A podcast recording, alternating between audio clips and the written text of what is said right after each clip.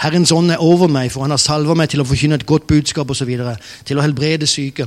Når Jesus kommer, så kjenner de igjen dette her. Og så sier de, 'Jesus, du Davids sønn, forbarm deg over meg'.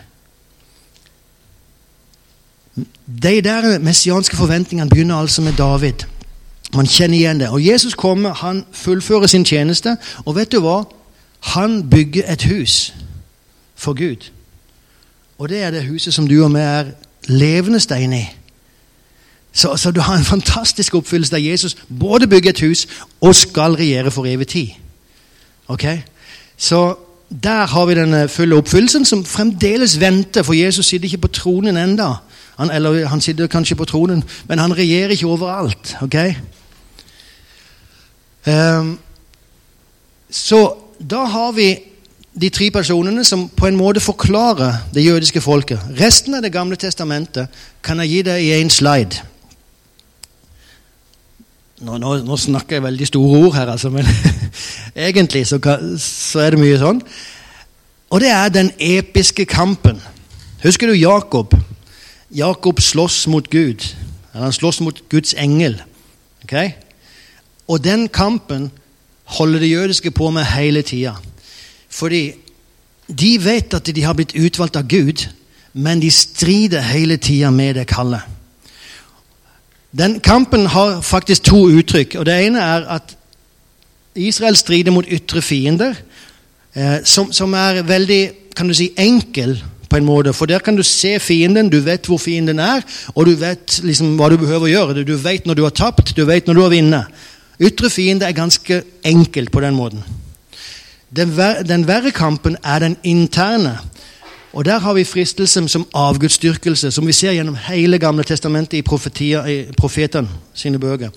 Det som de holder på med hele tida, er å forsøke å få Israel tilbake til gudsdyrkelsen, den sanne gudsdyrkelsen. De har falt i avgudsdyrkelsen. De må komme tilbake. Det er det profetene holder på med. Men i det så fins denne her saken.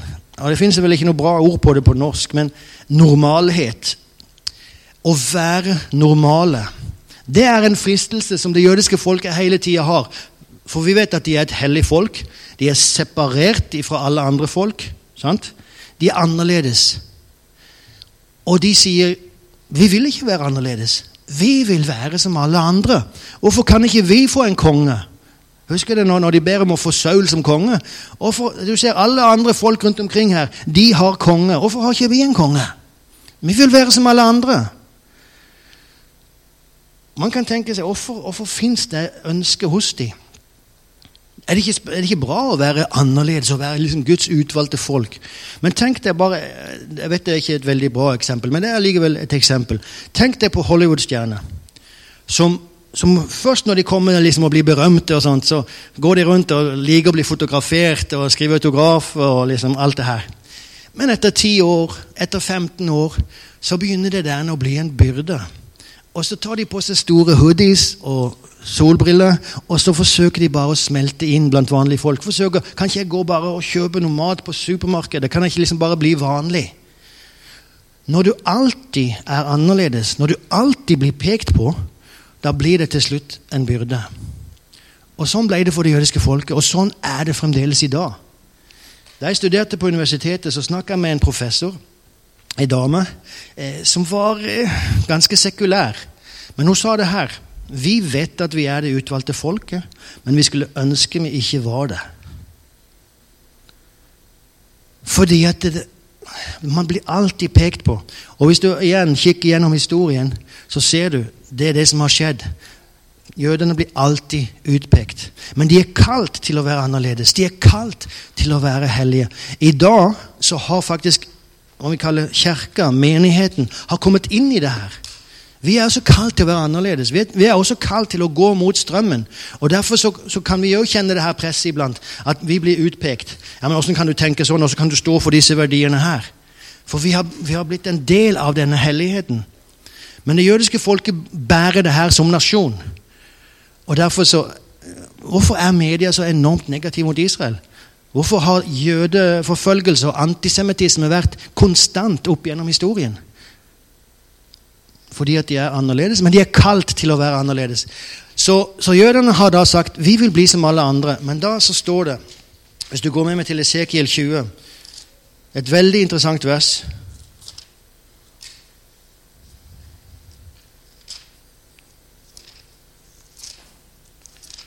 Esekiel 20 og vers 32.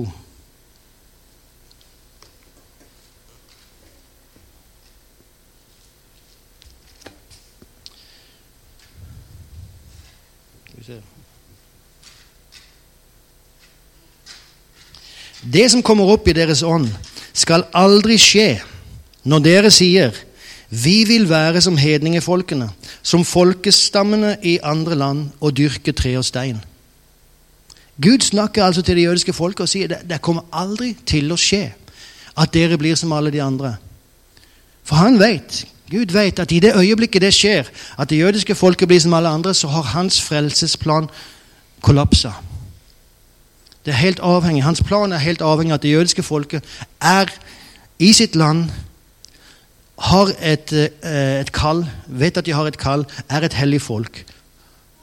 Så der så ja, kan, har man, Jeg skal ikke gå inn på det, men har man, eh, der har vi et eksempel på en person som ser jødene er annerledes, og hans anklage mot dem er Hvis du går i boka og leser Esters bok, så ser du at Hamans anklage mot jødene er at de er annerledes. De har andre lover. Og vet du hva hans løsning er? Drep dem. Han er liksom et skoleeksempel på en antisemitt, og det har det vært opp igjennom historien. Jødene er annerledes. Til slutt drep de. Vi kan gå rett til holocaust. Vi, vi vet, Det begynte ikke med gasskamrene i, i, holocaust. Det begynte ikke der. Det begynte med at man sa at jødene de er annerledes. Så begynte det å si at de er faktisk ikke helt som mennesker. De er untermensch. Ja, de er faktisk ikke untermensch, de er bugs, de er skadedyr. Og hva gjør det med skadedyr? Du dreper dem. Men det begynte med at de var annerledes. Ok, så det er eh, Gammeltestamentet. Nå, nå har vi forklart Israels kall ut fra Det gamle testamentet. Og da kommer vi inn i det nye. Vi, vi, det fins en slutt på denne preken, altså. Det, bare så du blir encouraged. Um, da kommer vi inn i Det nye testamentet, som vi snakka om da, da tidens fylde kom, utsendte Gud sin sønn. Og hvor sendte han sin sønn? Jo, han kom først til denne unge jødiske jenta, Maria. Og Vi har en tendens til ikke å snakke så mye om Maria, fordi det er andre som snakker så veldig mye om henne. Men hun er faktisk et enormt eksempel på en dame eller en ung jente som gikk med Gud. Så jeg vil bare lese eh, kort her fra Lukas 1,26. Når engelen Gabriel kommer til Maria, hva er det han sier for noe? Vi leser fra vers, eh, kapittel 29 vers 29. Men da hun så ham, ble hun forferdet over hans ord, og hun grunnet Nei, der var det ikke.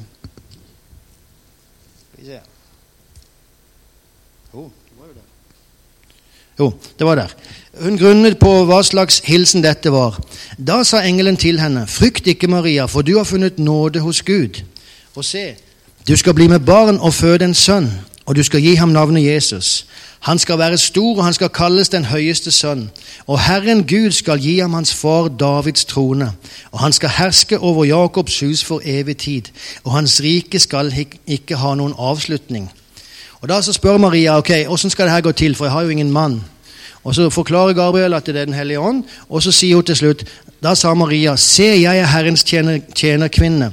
La det skje meg etter ditt ord. Og engelen forlot henne.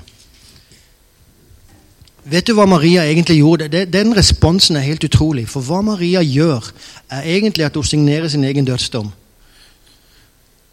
For hva, hva, hva skulle hun nå gå og si? Hun skulle komme til, til, sine foreldre, til Josef, og så skulle hun si 'Jeg er gravid ved Den hellige ånd'. Sure. Eh, altså, hvem vil tro på det? Hun visste jo ikke at engelen Gabriel skulle gå til Josef og fortelle samme sak. Hun visste ikke det når hun sier ja. Men hun sier ja, og hun vet at straffen for, for hor å drive hor, er steining. Så hun tar en enorm risk, kan man si. Men hun kjenner Gud. Hun har en relasjon med Gud. Så det hun gjør, det er hun stoler på Gud. Ok, jeg har ingen aning hvordan det her skal gå til, hvordan jeg skal komme ut av denne situasjonen. Men Gud, om du sier det, la det skje meg etter ditt ord. Så Maria er jo helt utrolig altså en troshelte når det gjelder dette. Men jeg har ofte lurt på hvordan kunne hun komme til den, den, avgjørelsen? Hva er det som er så spesielt med Maria? Og La oss bare kort se litt, litt på hvor, hvor, hun bor, og litt på hvor hun vokste opp. Maria, Det fins en tradisjon som sier at hun ble født i Jerusalem. Det vet vi ikke, men i alle fall så vet vi at hun bor her. Har sannsynligvis vokst opp i Nasaret. Nasaret eh, er en, på den tida veldig liten by. I dag så er det liksom 80 000 innbyggere der. Men på den tida så er det en veldig liten by. Forskere tenker at det bor mellom 200 til 500 personer i Nasaret på Jesu tid. På den tida så, så bodde de ofte i sånne kompleks som, der flere generasjoner bodde i samme hus. Man bygde liksom i en fir firkant, og så hadde man en indre gårdsplass der man hadde dyra, og der man hadde kjøkken. faktisk. Men så bygde man i en firkant rundt omkring. Når sønnen vokste opp og uh, gifta seg, så henta han inn kona, og så la man til et rom. Så til slutt så hadde man bygd i hele firkanten der. Men det betyr at det bodde masse generasjoner i samme hus. Så i ett hus kunne det bo mellom 40 og 60 personer. Tenk deg at det var 200 personer i Nasaret på Jesu tid, og så bodde de i hus med 50 personer. Hvor mange hus blir det? Fire? Men tenk deg da, ok, i, i beste fall liksom, så er det 20 hus. Det var ikke alle som bodde i sånne generasjonshus. Tenk deg maks 20 hus i Nasaret. En veldig liten by. Den ligger oppe i fjellet, men den ligger samtidig i en dal i fjellet, så du kan ikke se den når du er nede på sletta. Du ser den grønne der nede. Når du er der nede, så kan du ikke se den, for den ligger nede i en dal oppe i fjellet. Jesus sa at en, en by som ligger på et fjell, kan ikke skjules, men Nasaret kan faktisk skjules. Det ligger i en dal der oppe. Eh, hva, hva, vil jeg si med det her? Det, ingen visste egentlig noen ting om Nasaret. Ingen visste nesten hvor Nasaret lå. Der nede på sletta gikk en kjempeviktig handelsvei via Maris. Tusenvis av folk passerte forbi der daglig. Ingen visste noen ting at Nasaret lå oppi der. Og Det er derfor Philip sier kan det komme noe godt ut av Nasaret. Liksom, hva er det for noe? Tenk deg da at uh, Maria gikk ut på utsiktsplassen. For det fins jo en fantastisk utsiktsplass fra Nasaret. Og her så ser du uh, når du kommer ut på, på liksom kanten der, opp av dalen og så opp på kanten, så har du denne utsikten, og du har liksom 180 grader. Og Nå skal jeg bare veldig fort ta det litt gjennom gammeltestamentlig historie. For når Maria står der og kikker på dette her, hva er det hun ser for noe? Hun begynner med det runde fjellet der. Det kalles Taborfjell. I dag så kjenner vi det som forklarelsens fjell, men på Marias tid så har jo ikke det, det har ikke skjedd, for det har med Jesus å gjøre. For Maria så er det der fjellet det var der Deborah og Barak samla sin armé for å slåss mot kananittene, Sisera. Slaget fant sted rett ned forbi der hun står, men det begynte med at de samla armeen der i dommertida. Så står slaget her nede. Kananittene flykter. Sisera, lederen de sin, han flykter inn i et telt. Og der så gir Jael melk til han og legger han til å sove. Og så slår han teltplugg gjennom hodet på han. Jeg vet ikke om du husker denne storyen eh, grotesk story. Det slaget fant sted rett ned forbi der hun står. Hvis hun kikker litt grann, eh, mot sørvest, så ser hun et fjell som heter Moré, eller Moré-bakken. Ved foten av det fjellet har vi Shunem, og det var der eh, Elisha vekka opp denne her ekteparet sin sønn fra de døde. Rett ved foten av fjellet. Hun kan se Shunem. I bakgrunnen bakom det fjellet så ser hun Gilboa. Gilboa-fjellet. På Gilboa ble Jonathan og Saul drept av filistrene. Hun ser fjellet der de ble drept, der slaget sto. Går litt nesten rett sør, så ser hun um, en Harod-kilden. Harod-kilden. Det var der som Gideon utvalgte sine 300 menn da de skulle bøye seg ned for å drikke. Hun ser Gideon-kilden fra der hun står. Rett sør så fins Israel. Israel var hovedstaden for Akab, den onde kongen i Nordriket han hadde en dronning som het Jesabel. Men han holdt til der, i, i, og Jesabel ble faktisk drept der da de kasta henne ut av palasset. Ok, sad story. Om man kikker litt uh, sydvest, så kan man se Dotan. Og i Dotan så var det en gang tolv brødre. Til slutt så bestemte de tolv, eller elleve, å selge sin tolvte bror til egyptiske handelsmenn. Josef ble solgt til slaveri i Dotan, som hun òg kan se. Og Kikker hun litt mer mot vest, så ser hun Megiddo. Megiddo er det som i Nytestamentet kalles for Harmageddon. Men i Gammeltestamentet så var det masse slag som fant sted der, og kong Josia ble bl.a. drept der. Salomo befesta den byen. Var masse ting som skjedde i Megiddo. Og Kikker hun rett vest, så ser hun Karmel. Karmelfjellet. Og vi vet alle hva som hendte på Karmelfjellet med Elias og Balprofetene. Ilden som falt ned fra himmelen. Hvorfor, sier jeg alt det her? Jo, for når hun står der, så ser hun gammeltestamentlig historie. Hun ser Guds trofasthet mot det jødiske folket. Alle disse tingene her.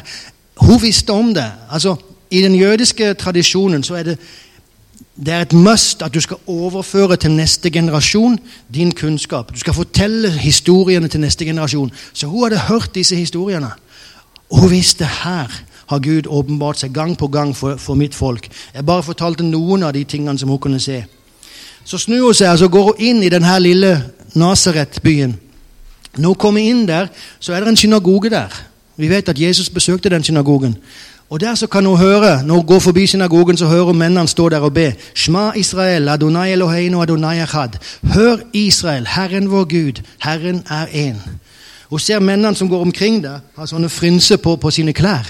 Frynser som skal påminne dem sitt sitt, som skal påminne dem om Guds bud.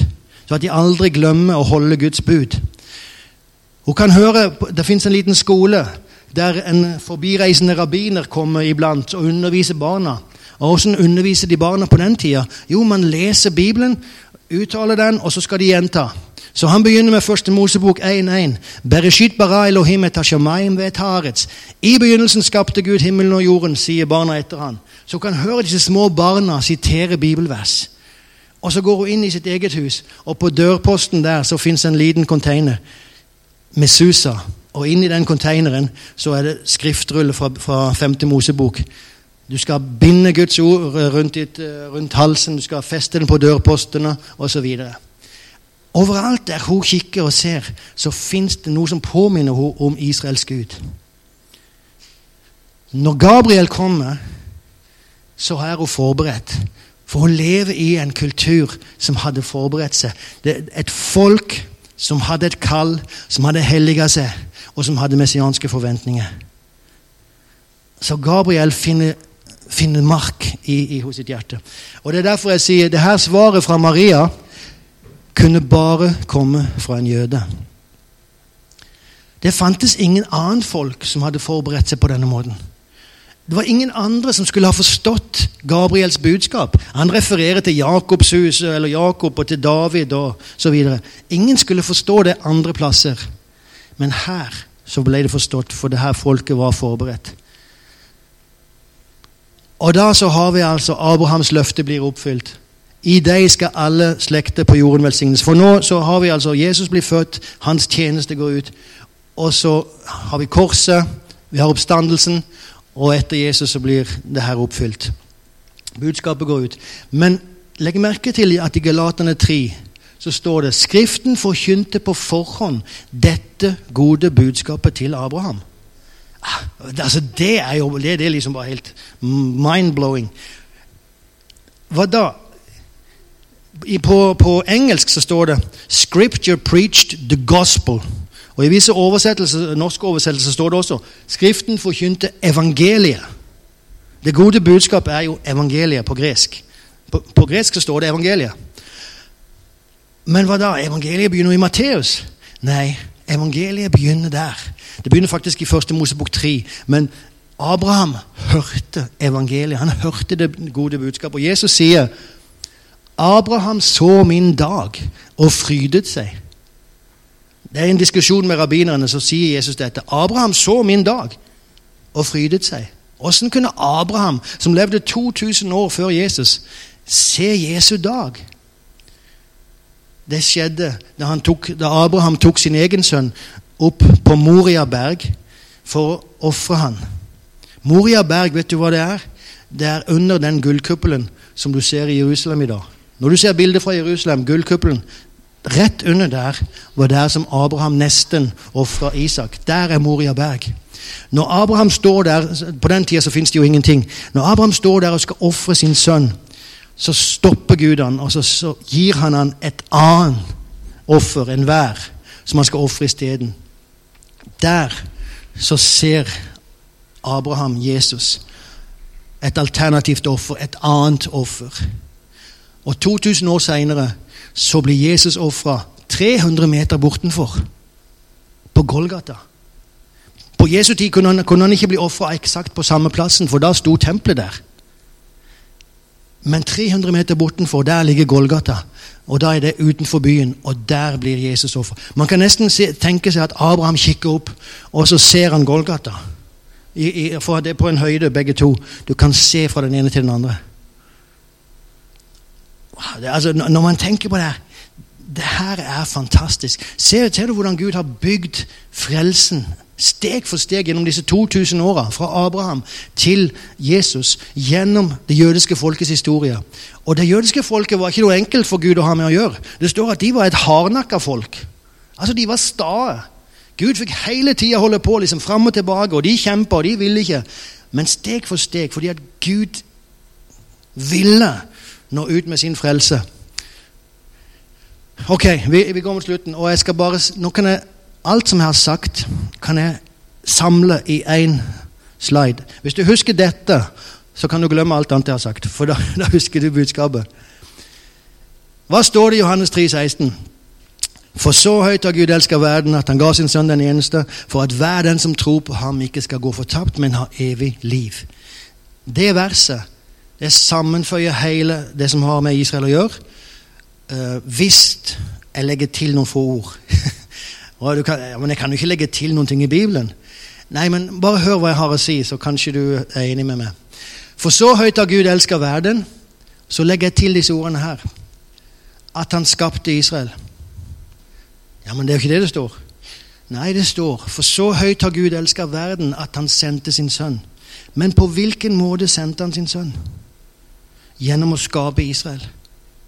Gjennom alt det som er fortalt her gjennom Abraham, Moses og David. For så høyt har Gud elska verden at han skapte Israel, og gjennom Israel sendte sin sønn, for at hver den som tror på ham, osv. Legg merke til en sak. For så høyt har Gud elska verden. Ikke for så høyt har Gud elska Israel. For så høyt har Gud elska der med, inkludert Israel. Men alle. Så her er det ikke snakk om at Israel har liksom en status som er noe høyere enn noen andre. Her er det bare snakk om at Israel er veien som Gud når det og med på. Og det er derfor som Israel er Guds øyensten.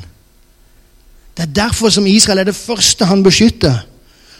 For hvis Israel faller, så å si, så når han ikke det. Det er i det perspektivet man må se Israel, og det er derfor Israel relaterer direkte til din frelse. Frelsen er av jødene. Halleluja. Far, jeg bare takker deg for at du lar det herrene få synke inn. La, la åpenbaringen om, om, det som har med Israel å gjøre, og vår relasjon, hva vår relasjon til Israel skal være. Vi ber om at det skal synke inn i våre liv, Herre. Vi bare takker deg for at du lar Din Hellige Ånd få gjøre ditt verk i hver og en av oss, og at det skal lede til en respons fra hver og en på den måten som du ser at, at vi skal reagere individuelt for. Halleluja. Så um, Det siste jeg skal si her Jeg håper bare at du, du fikk med deg virkelig det her, for det, det er så viktig for meg at du har som en kristen en helt naturlig relasjon til Israel. Det er som sagt ikke en agenda som vi forsøker å få inn uh, kjøkkenveien i menigheten. Det er helt naturlig for en kristen å relatere til Israel. Det er ikke tenkt at Israel-engasjement skal være for en gruppe i menigheten. Det er tenkt at det skal være for alle. Og Så kan det uttrykke seg på forskjellig måte. Det betyr ikke at alle må holde på For det første så betyr det, betyr det ikke at alle må holde på å vifte flagg og, og blåse sjofar osv. Jeg er faktisk ikke der sjøl. men, men det betyr at du du, har, du vet at du har en relasjon til Israel. At du ber for Israel osv. Står med det jødiske folket. Eh, det står i eh, Romerbrevet 15 at Paulus holdt på å gjøre en innsamling i Akaya. En innsamling av penger blant hedninger som gikk til de fattige i Jerusalem, altså til jøder. Og han sier til dem at det, er, det er, vel verdt at dere gjør det her, for dere står faktisk i skyld til dem. For hvis dere har fått del av, av jødene sine åndelige goder, så skylder dere å dele med dere av de materielle godene. Altså Han, han, han oppretter en et form for skyldforhold. Men uansett en relasjon. Og da så står det at det her var måten som de gjensvarte på. Dette ville de svært gjerne gjøre. De ville svært gjerne være med og gjøre noe for det jødiske folket. På engelsk så står det 'It pleased them'. Det behaget dem. Og det er der jeg tror vi, vi må komme som, som, eh, kristne. La det behage oss.